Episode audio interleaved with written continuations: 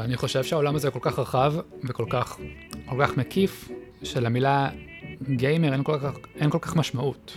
ברוכים הבאים לנפשות, פודקאסט על אנימציה ישראלית ועל האנשים שיוצרים אותה.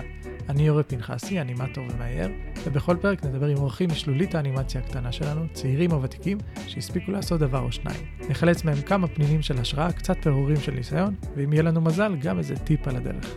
והיום נארח אנימטור שמנהל עם זוגתו מזה כמה שנים את הלודו, שהוא חלל עבודה ליוצרי משחקי אינדי, ושהפרק השלישי במשחק המשותף שלהם, The Splitting, יצא לאוויר עולם לפני כמה חודשים, יחד עם בתה מקסומה זוהר, יקיר בונקר, מה נשמע? בסדר גמור, מה שלומך? בסדר גמור. אנחנו יושבים פה בלודו שהוא פרי עמלכם, שהוא אה, חלל לאנשים שגם מעצבים וגם מפתחים. אה, משחקים בעצמם, כלומר אינדי, נכון? כאנימטור uh, שנכנס לפה, בהתחלה לא היה לי כל כך ברור uh, מה זאת השפה שאתם מדברים, uh, ואת כל שפת הגיימינג בכלל באופן כללי צריך uh, ללמוד קצת מההתחלה. אז uh, סקירה ממש כללית על עולם הגיימינג, למי שלא יודע כלום, כלום, כלום, כלום, ואיפה אינדי נמצא בתוכה. אז גיימינג היא, שזה דבר שנתון שקצת מפתיע, אנשים שלא מתעסקים בזה. תעשייה שמכניסה יותר מתעשיית הקולנוע והמוזיקה ביחד.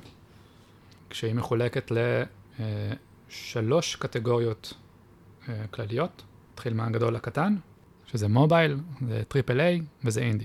אה, כשכמובן יש כל מיני, אה, כאילו לפעמים זה משתלב אחד בשני, כן, הגבולות לא, לא תמיד מאוד ברורים, כל עולם כזה עולם מאוד גדול, אבל זה, זה החלוקה העיקרית. שבתוך החלוקה הזו, מובייל בעצם יותר גדול בצורה משמעותית מטריפל איי ומאינדי רמת הכנסות וגודל שוק. כאילו קנדי קראש והתרנגולות שעפות וכל אלה זה בערך 80 אחוז, כל אלה זה בערך 80 אחוז ממה שקוראים גיימינג. כן, בערך 80 אחוז, אולי יותר. אה, שבארץ אנחנו גם עושים חייל בתחום הזה. שכמה כמה דוגמאות למשל? כן, יש לנו את Moon Active פה מאחורינו, שרבים מחברינו עובדים שם. אה, יש לנו את Ilyon, שעבדתי שם בעברי. Candivore. Playtika. פלייטיקה. לא חסר, לא חסר. אתה תזרוק אבן, תפגע בחברת הייטק שעושה משחקים ל mobile. אה, כשרוב המשחקים שמיוצרים ל mobile הם אה, מופצים בחינם, בעצם המשחקים מרוויחים מקניות בתוך המשחק.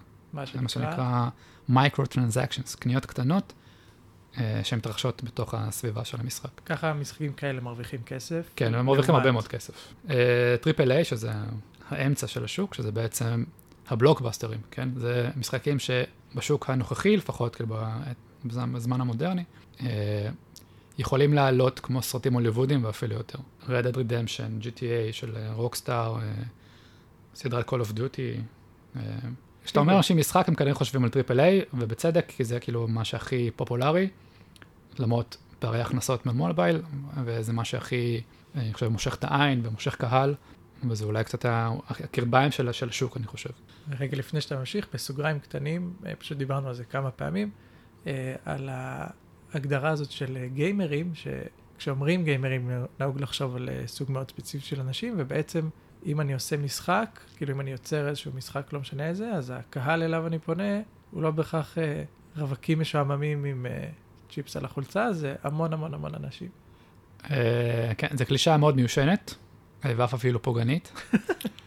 אני חושב שגיימרים... לאף אחד פה אין צ'יפס על החולצה, צריך לציין. אה, כן, אנחנו די, די היגיינים סך הכל בחלל. ואני חושב שהעולם הזה כל כך רחב וכל כך, כל כך מקיף, שלמילה גיימר אין כל, כך, אין כל כך משמעות. כן, אולי יש אנשים שמגדירים עצמם כגיימרים, כחלק ב, בפרסונה שלהם, אבל אני לא חושב שזה דבר שכאילו... כמו סינפילים. למשל, כן, ואתה רואה קולנוע. כן, אני רואה קולנוע, מלא אנשים רואים קולנוע. וזה לא משנה אם אתה רואה סרטי איכות, כן, וזה הייבראו, או שאתה רואה סרטי גיבורי על, אתה כנראה חובב קולנוע. אני חושב שבמשחקים זה דומה, כאילו לא משנה. גם שחקנים של מובייל הם גיימרים, כי הם מבלים את הזמן הפנוי שלהם בלשחק משחקים. גם שחקני triple A, גם שחקנים של משחקי קופסה, כן, משחקי קלפים. אוקיי. כן. זה הרצון שלך לבלות זמן במשחק. וזה נראה לי עושה את רוב האנשים בעולם לגיימרים בצורה כזו או אחרת, ולא נראה לי שזה, שהקלישאה הזו שאתה משתמש בה, כן, שהיא מאוד רחוקה מהמציאות. נראה לי שהיא תמיד הייתה רחוקה מהמציאות, כן? כן. ברור שיש קבוצה כזו של אנשים, וברור שהם קיימים, וברור שיש להם דעות, אבל אני חושב שהתחום הזה כל כך נוגע בחיים של כולנו, שזה לא... נכון. אוקיי, אז עשינו קצת סיבוב. אה, אני, אנחנו, אני מחזיר אותנו חזרה לצלע השלישית במשולש הזה, לאינדי. אז קודם כל, מה זה, תמיד אינדי קשה להגדיר, אבל איך בכל זאת היית אה, מספר לנו מה זה משחקי אינדי? אה, באמת קשה להגדיר את זה, אה, כי כמו שאמרתי בהתחלה, יש קצת אה, חפיפות. אינדי ככלל זה קיצור של אינדיפנדנט, זה משחקים עצמאיים. קצת כמו במוזיקה ובסרטים, זה משחקים שאין להם או בית הפקה גדול, או מפתחים עשירים, או כנראה 100 עובדים, אלא יותר, בדרך כלל מדובר בסטודיו קטנים, של בין אדם אחד ל-20 נניח, שאין להם גף כלכלי בצורה של מפיצים מאוד גדולים, הכסף שמושקע בזה הוא לא גדול כמו שיש ב triple A. שוב, אנחנו מדברים על משחקי triple A שהם יכולים לעלות מאות מיליונים של דולרים.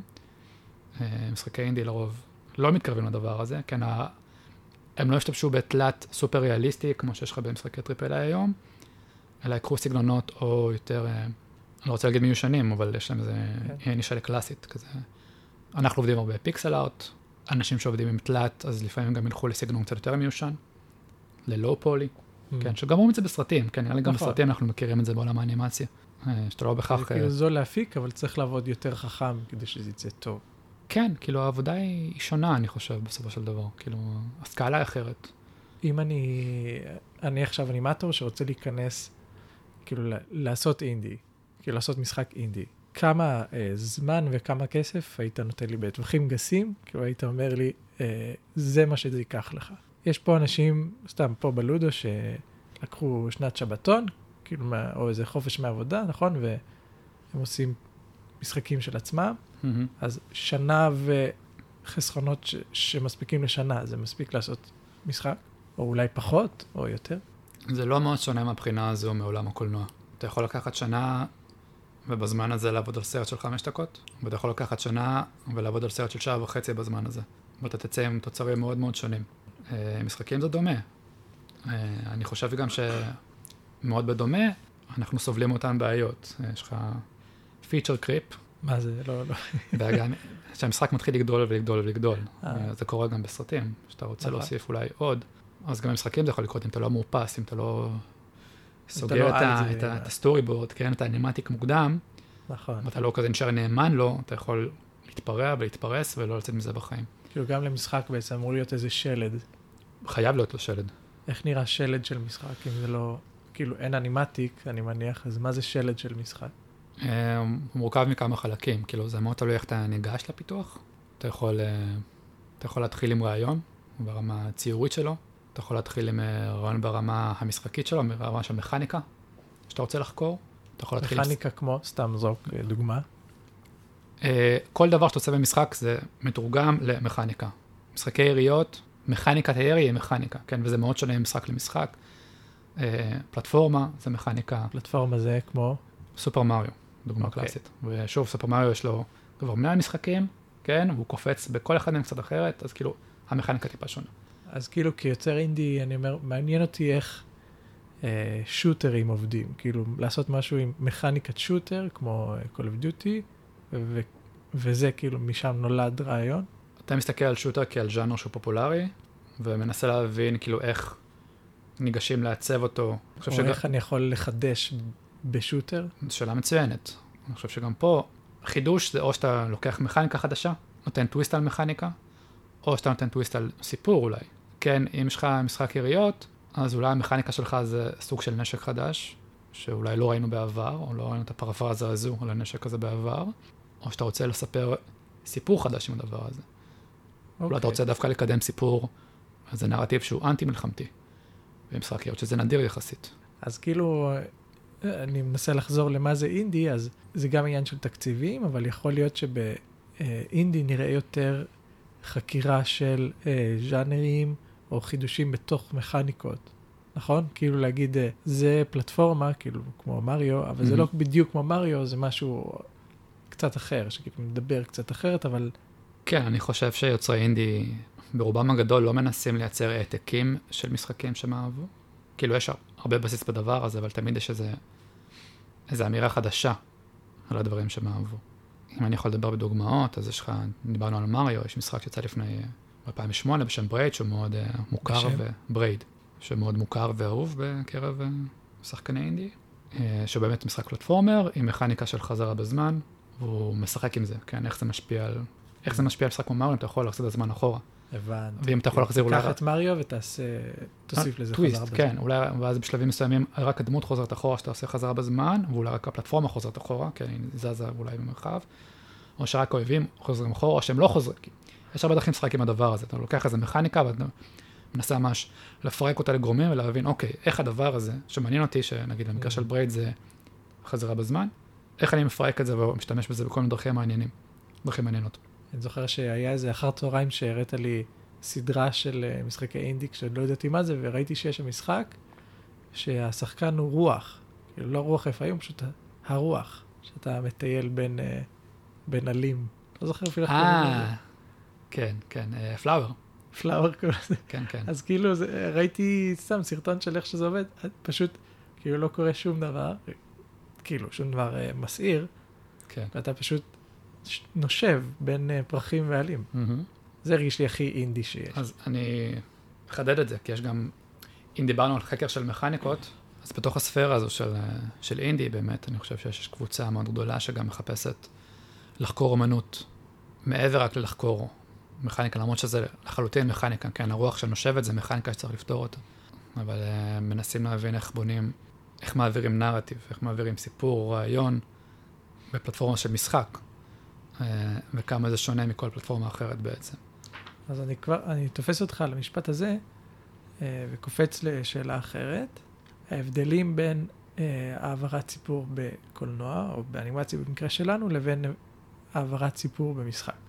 אני חושב שההבדל הכי משמעותי בין משחק לבין סרט, זה היחס לחלל, כן? שאם מסתכל על סרט, שם החלל מגיע דרך הפילטר של הבמאי, סיפור יועבר, מתי יש קלוזאפים, אה, מתי שוט מרוחק. זה הפילטר שדרכו אתה כאילו מקבל רגשות מהיצירה. אה, במשחקים, עכשיו זה, זה כמעט לא משנה איך המשחק נראה ואיך הוא מתנהג, כן? זה יכול להיות נכון גם במשחק שהוא כול כולו על טהרת הטקסט, ומשחק שהוא ב-VR, שזה כאילו הכי מכניס אותך לתוך משהו שהוא אחר.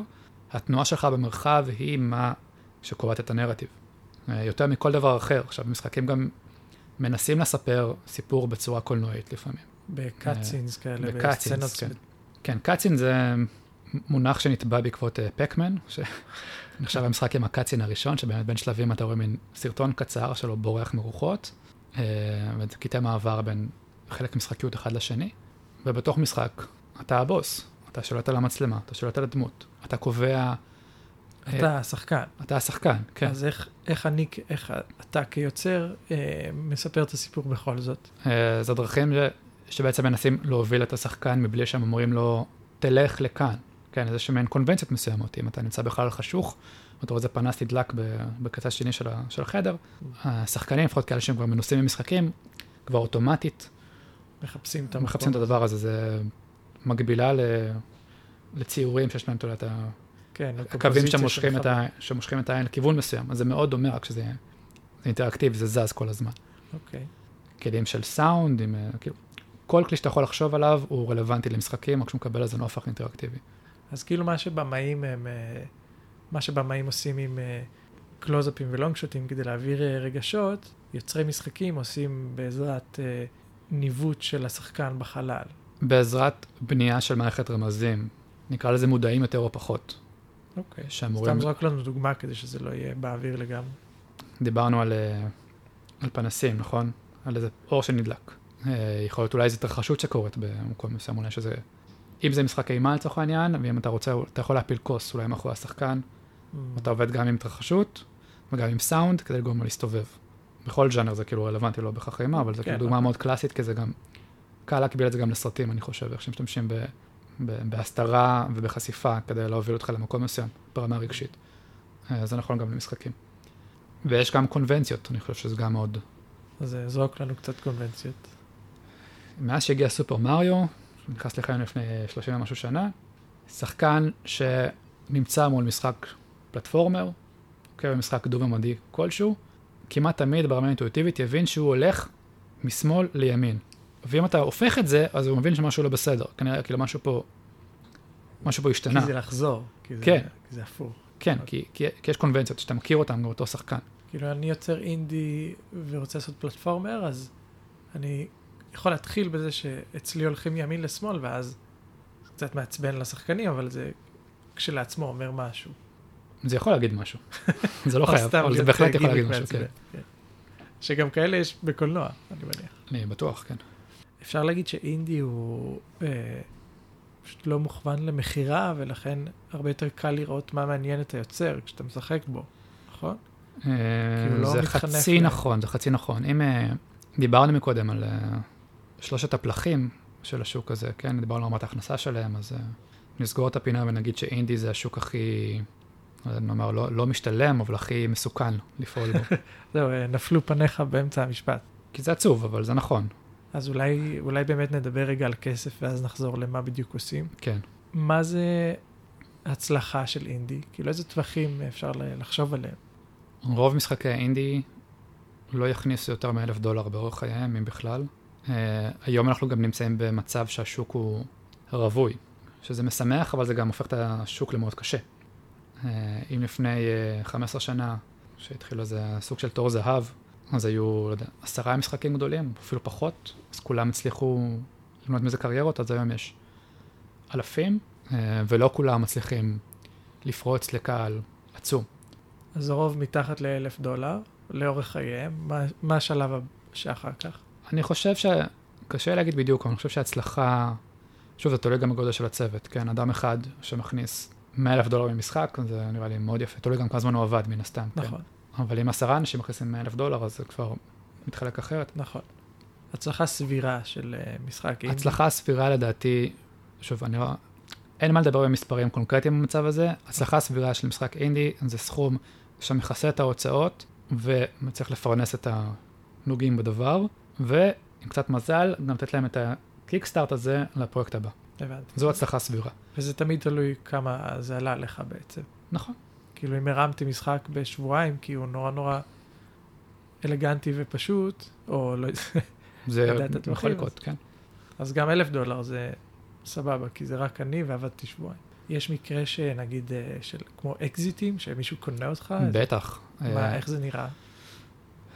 אני לא יודע לדבר על קנייה, אני לא... אין, אין לי מהמותן דוגמאות של מפתחי אינדי ש, שנקנו, למרות שאני בטוח שיש, אבל יש לא מעט סיפורים, סיפורי סינדרלה על מפתחים ש... אתה יודע, אכלו קש במשך שנים, שחררו משחק והתעשרו בן לילה או תוך שנה. כמו הסיפור על... אה, כמו הסיפור על השם. קונסרד אייפ, אני חושב שאני מבטא אותו נכון, זה הכינוי שהוא עובד תחתיו, שעבד על סטדיו ואלי, שזה דוגמה מאוד קלאסית לזה. שמה? שמה. יוצר יחידני שאכל אה, ראמן במשך אה, ארבע שנים, ועבד 60 שעות בשבוע, אכל ראמן, אתה אומר את זה לגנאי, כאילו שהוא הסתפק חמה, ברמה. כן. לא ראמן טוב, אכל... אה, מנה חמה פירה. כן, ויצר משחק די בכוחות עצמו, אפילו לגמרי בכוחות עצמו, שהוא מעין פרפרזה על כותר ישן, על משחק triple A של פעם, אה, והוא יצר גרסה משלו למשחק הזה, והוא התפוצץ, וזו הצלחה הוא כאילו ממש נהיה מטאורית. מיליונר אה, כן. ממש בזמן קצר. כן, והוא המשיך לעבוד על זה בקצב שלו, המשיך לשחרר עדכונים, והיום הוא עובד על משחק נוסף אחרי משהו, נראה לי קרוב לעשר שנים, אני חושב, משהו שחרר את המשחק הקודם שלו.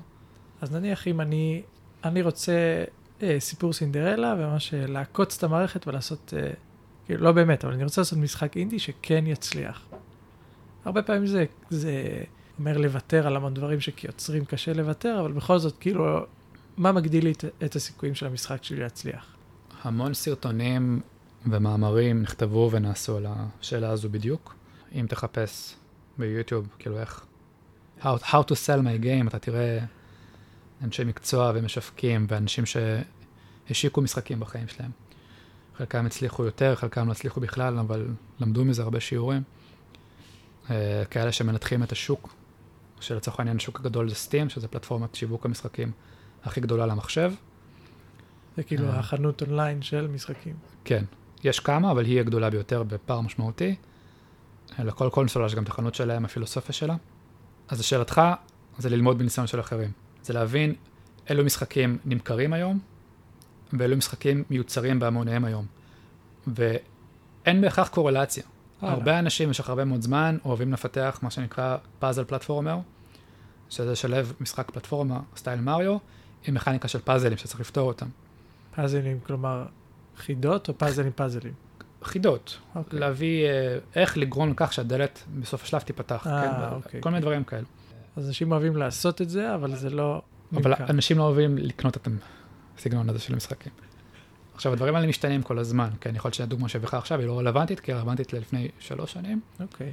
אבל אני אומר שאם אם אתה, אתה רוצה לעשות משחק כדי למכור אותו, אתה צריך לעשות חקר שוק קודם לכן, ולהבין מה הולך היום, מה באופנה ומה קונים. יש לך מושג מה באופנה היום? אתה קצת בעולם אה. אחר בגלל האינדי, אבל אה, אה, אני לא יודע להגיד לך מה הפער בין רמת הקנייה לרמת העשייה, אבל משחקים עם מכניקה של rogue, roguelite, הם מאוד פופולריים היום. רגע, מה זה roguelite? שאלה מורכבת. זה משחקים שמונעים בידי איזה כוח פרוצדורלי כזה או אחר.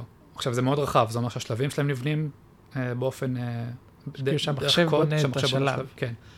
או שהוא מפזר, זה יש כאילו אין ספור אפשרויות של שלבים. שעל הנייר יש לך, כן, אה, המשחק הוא יכול להיות אינסופי גם ברמה הזו.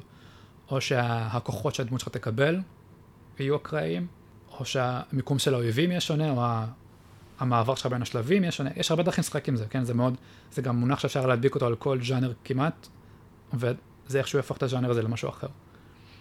אז היום הוא מאוד פופולרי גם נראה לי לעשייה, ונראה לי שגם קונים אותו יחסית יפה.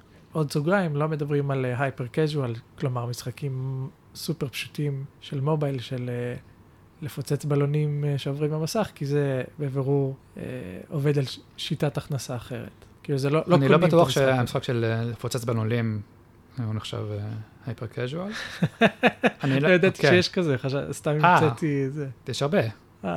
בלונס הוא ז'אנר פופולרי. אני לא כל כך מבין בהייפר קז'ואל. אוקיי, אז אה, אני... זה אומר משחקים פשוט, אבל על רגל אחת, זה משחקים שהם מאוד קטנים ומאוד קצרים. אה, גם בלופ היצירה שלהם, זאת אומרת, מפתחים אותם מאוד מהר ומשחררים אותם מאוד מהר. אה, כנראה במטרה to strike gold, כאילו ל- לתפוס איזה משהו ש... כן, לעשות זה מכה. יהלום, שכן. כן. ואז אולי אותו לפתח. או שלא, או לעשות משהו דומה לו. אבל באופן כללי, המודל הרווח, הרווח שלהם הוא בעיקר אה, פרסומות, אני מאמין. כאילו, אם אתה רוצה להרוויח, אז אתה יכול לחשוב, אני רוצה לעשות משחק שיקנו אותו הרבה אנשים, אבל אני- יכול לעשות גם משחק שיש בתוכו קניות, או שיש בתוכו הרבה פרסומות, ובאינדי אין מקום לזה, אתה אומר. באינדי יש מקום להכל. אה, או. כאילו, האם זה נחשב קצת סל אאוט כזה, להיות... אה, יכול להיות, השאלה זה באמת להכיר את השוק. אני חושב להכיר את השחקנים שלך, להכיר את הקהל שלך, ומאוד יכול להיות שקהל שפלח המשחק העיקרי שלו הוא אינדי, יהיה משמעותית פחות צלחן למה שקוראים מכניקת פרימיום. שפרימיום זרוק לנו. Uh, המשחק עצמו מסופק בחינם, אבל הוא קצת לא בדיוק שלם, ואתה יכול לקנות כוח, כן, לקנות עוד שלבים, לקנות כל מיני דברים מסביב. אה, למרות ש, שגם זה, שוב, זה מאוד, זה עולם מאוד רחב, ויש אלף, אלף, כאילו, יש אין סוף כן. יוצא דופן לכל מה שאני אגיד עכשיו. כן, על אז- כל משחק ש... כי יש גם משחקי triple A עכשיו שהם, שהם עובדים כ freemium, כמו פורטנייט, שזה כאילו המשחק אולי הכי גדול ש... שרץ עכשיו, שהוא לא עולה שקל, אבל אם אתה רוצה, אבל אפשר לשרוף בו כרטיסי אשראי אה, לילות. שלמים. כן, כי אם אתה רוצה להיראות אופנתי במשחק הזה, שזה כאילו חלק מאוד עיקרי במשחק הזה, הנראות שלך, אתה כנראה, תעבוד בזה. כן, אתה, אתה הולך לשלם. אז אני עוד, אה, כאילו, סיפור נקודתי, אני זוכר שדיברנו פה על, אה, על המיזוג של איירון סורס ויוניטי ועל התגובה של קהילת מפתחי האינדי. אה, כן, לדעתי? כבר הסיפור הזה קצת, אה, הוא קצת החדשות של אתמול. אבל סתם כמקרה מייצג של, אה, של, של ציבור שנעלב, כאילו שנפגע מ... זה קצת שונה, כי יוניטי זה, זה מנוע לפיתוח משחקים שבעיקר עובדים איתו יוצרי אינדי, אבל לא רק. אה, והם קנו, slash התמזגו עם איירון סורס הישראלית, אה, שזו חברה שעושה המון דברים, אבל נראה לי שעיקר עיקר העבודה שלה, או עיקר לפחות מה שהיא מוכרת בו, זה לייצר מנועי פרסומות אה, שנכנסים במשחק. כן, והקהל של Unity לא אהב את המהלך הזה, בלשון המעטה. בגלל שהם אומרים, אתם Unity, האימא שלנו, כן, כי זה כאילו מנוע שיש לו שם ספציפי. אה, ואז בא המנכ"ל של Unity ואמר שכל מי שלא מחפש לעשות כסף מהמשחק שלו הוא אידיוט. אה, נכון, הוא גם מכניס הרבה. אנשים. fucking idiots בהחלט. אה, שזו אמירה קצת אומללה. אז אה, כאילו מפתחי משחקים אה, לא אהבו את המיזוג הזה בגלל שזה קצת מרמז על, על, אה, על קשר בין אה, משחקי אינדי ופרסומות בתוך משחקים. לדעתי זה גם עניין של להסתכל על יוניטי כמנוע ולהבין איפה הם שמים את ההשקעה שלהם. אה, כי כמנוע הוא מנוע מאוד חזק, אבל יש לו בעיות. אז כאילו מפתחים אומרים, במקום להפוך את זה למנוע משחקים יותר טוב, כן, אתם אה, הולכים וקונים חברות. ואנחנו ואנחנו לא לא נדע מה- איפה זה, לאן זה יגיע. הבנתי. אוקיי, אז אנחנו דיברנו הרבה על אה, כסף ורווח, אבל אה, נחזור רגע לאיך עושים את זה. קודם כל, אתה, כ, אתה כאיש art, מה, איזה סוג משימות יכולות להיות לך? אה, אז בעבודה על Splitting, נכון לפרק השלישי, רוב המשימות, כל המשימות שלי היו בעצם אה, לייצר אנימציה על asset ים שסתיו הכינה, לפי הצרכים של המשחק. אז נגיד יש דמות, אתה עושה שהיא תלך. יש המשחק שלנו הוא יחסית פשוט, הוא משחק, אה, משחק הרפתקאות, point and click. point and click. אה, אני לוחץ פה וזה. והאיש הולך לשם. אני פשוט מלקט אה, שמות של ז'אנרים של משחקים, כי אני לא מכיר, אז... אז אני אתן את, ה, את החצי משפט, זה ז'אנר כבר מאוד ותיק, של משחקי הרפתקה, שבהם הדמות אוספת חפצים, ובאמצעות החפצים האלו היא פותרת חידות או Mm. מכשולים שעומדים בפניה. לך תביא לי חלב. לא. ואז... אה, אז... כאילו, זה- יכול להיות, אבל זה איך לרוב, קוראים לזה? זה לרוב, זה אתה מדבר על fetch quest, אוקיי. אבל אנחנו פותרים פה עוד סוגריים. אז לא משנה, אוקיי. זה ז'אנר שמספר סיפור, לרוב מאוד נרטיבי, שהסיפור הזה הוא מלא במכשולים שהשחקן צריך להתגבר עליהם דרך שימוש ב... שימוש יצירתי בחפצים, או בכזה הבנה של המרחב אפרופו. אה, אתה כזה מקבל רמזים איך המרחב עובד, אתה יכול להשתמש בחפצים כדי להתגבר על הבעיה- הזו במרחב. אה, מה הייתה השאלה? מה אתה עושה שם? מה אני מה עושה שם? איש ארט עושה שם? אה, אני מקבל משימות מסתיו אה, לגבי הצרכים של המשחק. זאת אומרת, אם יש לנו קאצין, כמו שאמרנו, שבו יש התרחשות שהיא חד פעמית, והיא צריכה תנועה, אה, אז אני עושה את התנועה הזו. אה, לרוב פתרון של חידה יתלווה בתנועה ייחודית כלשהי. דבר שהוא קצת קלאסי לקווסטים, שאתה לוקח חכה, כן, יש לנו דמות שלוקחת חכה ותופסת חפץ מעבר לחומה. לוקחת בחזרה. אז זה אני אמרת שאני צריך לעשות. אוקיי. אז זה נגיד הרבה משימות של הנפשה, מה עוד אנשים יכולים לעשות ב... הרבה אפקטים. אוקיי. כמו, מה, אה, למשל? אה, ניסיתי הרבה דברים נשברים, חפצים נשברים, אה, עשן, ביאבוע, אסירים מבעבעים יצא לי לעשות, מים זורמים, אה, מים שנשפכים מהאמבטיה, זו משימה שעשיתי יחסית מוקדם בפרויקט, והיה לי מאוד כיף, הייתה מאוד מאתגרת.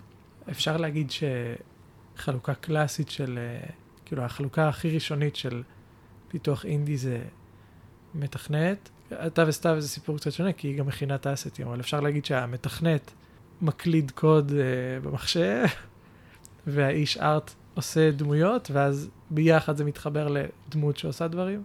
כן, בגדול כן. מי עושה מה, אז שוב, זה מאוד גמיש. באינדי הרבה יותר מ- מחברות יותר גדולות, שמאוד ברור מה התפקיד שלך ומה הסדר היום שלך. זהו, אבל ברוב, ברוב המקרים די ברור מי יודע לעשות מה. נכון. מי נגיד, אה, אתה אתה יודע להגיד אם יש אה, כוח מוביל בדברים האלה? נניח, האם רוב האנשים שמתחילים משחקי אינדי הם מפתחים עם חלום, או, או יוצרים ויזואליים עם חלום, והם מחפשים אחד את השני? יש הרבה סוגים של מפתחים, כי פה אני רואה מלא, פה בלודו אני רואה בעיקר מפתחים. מתכנתים. אה, כן. כן, כאילו מפתחים מתכנתים. זה נובע מ... מכורח המציאות. מתכנתים, מתכנת זה בערך המקצוע הכי מכניס במדינה.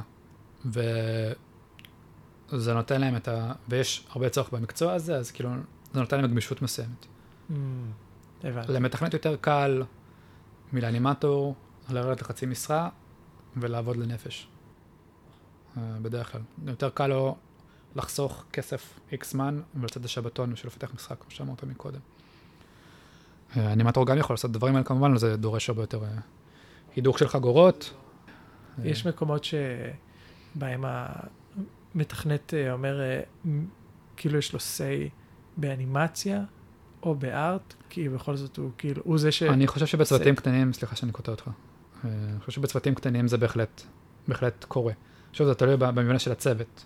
אה, אם זה צוות שהוא מאוד היררכי בצורה שלו, אפילו עם חמישה אנשים, כן, אז יכול להיות שזה פחות קורה, מעבר לעצות. כן. אבל אם זה צוות שהוא יותר אה, סינרגי, כמו שסתיו ואני מנסים להיות, אז כן, יש, יש יש תקשורת בדבר הזה. כן. כן. יש פה בפינה את ג'נטל ג'יינט, שהם עושים, אה, הם שלושה אנשים, ועד היום לא ברור לי מי עושה מה, כי הם כולם יותר. אה, מדברים. אבל הם פה, כן, פה הם יושבים שלושה אנשים, כי אני אומר לחיוב, שהם הם כל הזמן בתקשורת, אז אני אפילו לא יודע כן. מי מהם האיש ארט ומי מהם. צוותים טובים בדרך כלל יעבדו בצורה נעימה, נראה לי זה נכון לכל. זה נכון, ל- נכון. לסרטים, זה נכון ל- לעבודה במובייל, זה נכון לכל דבר, בכל מה שקשור ל- לכל תעשייה, בטח לשלנו. אז אוקיי, אנחנו לקראת סיום, אבל רק קצת קשה לעשות את זה בכמה דקות, אבל האם יש לך איזה חלון קטן לפתוח למי שרוצה להתעניין, להיכנס, אפילו ביום מן הימים ליצור בעצמו, לתפוס מתכנת ברחוב וליצור איזה משהו. בהחלט, אה, אם אתם ואתן מעוניינות אה, להיכנס לעולם פיתוח המשחקים, העצה הכי טובה שאני יכול לתת זה לחפש Jam'ים. לאנימטורים בינינו זה המקבילה הפיתוחית למרתון, או אוקיי. לפרויקט 24, כן, כל הפרויקטים כאילו שלנו. יממה שעושים במשחק מההתחלה. לרוב זה יומיים שלושה, יכול להשתנות, יש הרבה מאוד Jam'ים. אה, את חלקם הגדול אפשר לעשות מהבית בתחתונים, שזה פלוס אדיר. בסוגריים, גם הלודו מארח גיים ג'ימים, נכון? אה, לודו אירח פעם אחת גיים אה. ג'מים? לא, הוא אירח אפילו פעמיים, כן. אוקיי. נכון, אירחנו גם גיים ג'מים, גם- גם אצלנו. כמעט ויתרת על פרסומת. לא, למה לא? כן, אנחנו גם עושים את זה לפעמים. זה פשוט חממה קטנה שנותנת לכם את היכולת להתנסות בדברים, עם רמת, כאילו, אקספרימנטליות גבוהה ומחויבות נמוכה. כי אה, זה שלושה ימים. זה שלושה ימים, סתיו ואני עשינו כבר, ישנים בלילה זה כאילו, זה מאוד תלוי בצוות ובאופי שלו. אה, כאילו נפלת על אה, חיות עבודה, אז אה, בדרך כלל כשאתה נכנס לצוות בגיינג'ם, אתה מאוד, זאת, זה מה שנקרא שיחת אפס, זה להבין את התנאים של כל אחד. mm, מתי הוא יכול לעבוד, איפה הוא יכול לעבוד, ובטווח שעות. אוקיי. אז אני נגיד יודע לצייר, עושה After, אני רוצה להיות בתחתונים בבית. כן, מוצא צוות שמתאים לי, ויוצאים שלושה ימים בתנאים האלה. כן, כן. ולרוב יש נושא גם שזה כיף. לכל ה game jam. כן. game jam ים בדרך כלל מתחילים עם הגדרה מסוימת, יש להם תמה, או זו הגדרה שהם נותנים, ובסוף ה game jam שאתה יכול לשחק במשחקים ולבדוק אותם, אתה ממש רואה לכמה כיוונים לוקחים את זה, וזה תמיד מאוד מרתק לראות, כאילו, מי לקח הגדרה והתייחס אליה מילולית. כן, ומי התייחס אליה רק כאלמנט מאוד קטן למשהו יותר גדול, אבל ש... המגבלה של הזמן, אה, המגבלה של המשאבים, היא פשוט נותנת לך את היכולת להבין איך הדבר הזה עובד. אה, וכשאתה יוצא לפתח משחק בצורה עצמאית, אתה פחות clueless, כן? כי נראה לי שהבעיה של מפתחים, שזה מאוד דומה לבעיה של, של קולנוענים, זה בעיה של scope. יש להם רעיון מאוד גדול, מאוד גרנדיוזי. אני רוצה משחק עם אה, אלף דמויות, ועם מלא רקעים, ו... ויהיה טקסטים ודיבוב בכמה שפות, ו... והתרחשות, וזה ישפיע על זה, וזה ישפיע על זה. ו... ואם אתה מתחיל ככה, אתה לא תצא בשום צורה, בטח שאתה לא בתחילת כן. הדרך.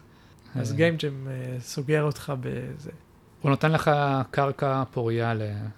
לאימון. כמו שהלידה של זוהר אה, סימנה לכם מתי להוציא את המשחק. נכון, על uh, The Splitting, הפרק השלישי, בזמנו אמרנו שייקח לנו חודשיים לסיים, סתיו הייתה אז באמצע העבודה, ואני כזה בדיוק הצטרפתי לפינאלה. שנתיים אחרי זה הבת שלנו נולדה, והמשחק יצא לאור חודש לפני. כן.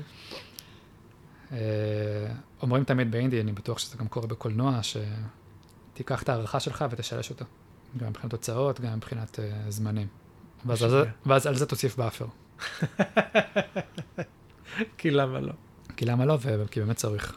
אה, דדליינים זה חשוב, אם יש לך דדליין שהוא קונקרטי, כמו לידה של בת, אז אתה, כנראה שתצליחו לעשות משהו. להוציא משהו בזמן, כן. אוקיי, אז חלון אחד זה game jam ים. כן. אני רוצה אה, לשחק במשחקי אינדי. לאן, כן. לאן אני הולך? איך אני יודע מה טוב בכל, ה, בכל השוק הזה? או-אה, שאלה מעניינת, אני, אתה יודע, אני משחק מאז גיל ארבע בערך, מאז שאני זוכר את עצמי, אז ההתפתחות שלי היא מאוד אורגנית בתוך העולם הזה. Mm. יש לך שלושה לזרוק? אה, ג'רני הוא אחד המשחקים האהובים עליי. אני חושב שהוא המשחק שקצת גרם לי להבין כמה חשיבות, כאילו כמה לא צריך הרבה מכניקות כדי להפוך משחק למשהו שהוא שווה. כי הוא משחק, במהותו הוא, הוא דל, כן? אתה משחק דמות, אתה יכול קצת לרחף, אה, אתה יכול, אתה פוגש דמויות אחרות, אתה יכול לתקשר איתם עם כפתור אחד שעושה צלצול פעמון, ואתה עובר מסע מקסים ויפה ומלא בדרמה ושברון לב ויופי, ואין אין, בלי מילים בכלל. והוא קצר, הוא נמשך שעתיים וחצי, הוא כמו סרט. אני וואלה. משחקתי בו מלא פעמים, כאילו. ממש את אותו, אותו משחק, כאילו, זה לא שהוא השתנה. הוא השתנה קצת, כי אתה פוגש אנשים אחרים כל פעם, אה. משחק, יש לו אלמנט של אונליין, אבל הוא משחק יפהפה, ואני באמת ממליץ עליו בחום לכל מי שהתחום מעניין אותו, והוא לא רוצה ללכת להרוג דברים, כי משחקים, הם התחילו בשלב מאוד מוקדם להיות על הרג, וזה נשאר שם, וזה גם כיף ברמה מסוימת, וגם אני משחק בהרבה משחקים שהם כוללים קטל ו- ודברים דוחים, אבל נראה לי שבשלב מסוים אתה רוצה קצת לצאת מהספירה הזאת, אה, ולחקור עוד דברים, וזה באמת פלטפורמה מעולה לעשות את זה. אוקיי, ג'רני. סיימתי לא מזמן את אה, דיסקו אליסיום, שזה משחק אה, חדש יחסית, הוא יפהפה, נכתבו וייכתבו עליו הרבה מאמרים. הוא לא טוב למתחילים, הוא, ב... הוא משחק אוקיי. תפקידים שהוא כאילו בעצם ספר, כאילו יש לו כמות מלל ש... שלא אה. תבייש נובלה. ומה שייחודי בדיסקו אליסיום שהוא קצת, הוא קצת, הוא חותר נגד ה... הקלישאה של משחק תפקידים. משחק תפקידים בדרך כלל יש הרבה דגש על אלימות. משחק יחסית. תפקידים, רק תזכיר. מבוכים ודרקונים במחשב, נראה לי הגדרה הכי, הכי קלה. בכל זאת, למי שאפילו לא יודע מה זה. אתה לוקח דמות, כן, יש לה, הנתונים שלה הם מקבלים ערך מספרי כזה או אחר. חכם הכוח של 10, החוכמה שלה, 12. כן, הכריזמה שלה, המהירות של ווטאבר. ואתה לוקח אותה למסע בעולם, ואז היא מתקדמת. זה חלק נראה לי עיקרי, גם. שהיא מתקדמת וגדלה. אוקיי, אז הוא חותר תחת זה בגלל ש... אה, כמעט ואין בו אלימות, למרות שהוא משחק מאוד קשה, כמעט ואין בו אלימות. אה, אה, אין בו קרבות, שוב, אולי חוץ מאחד אין בו קרבות בכלל.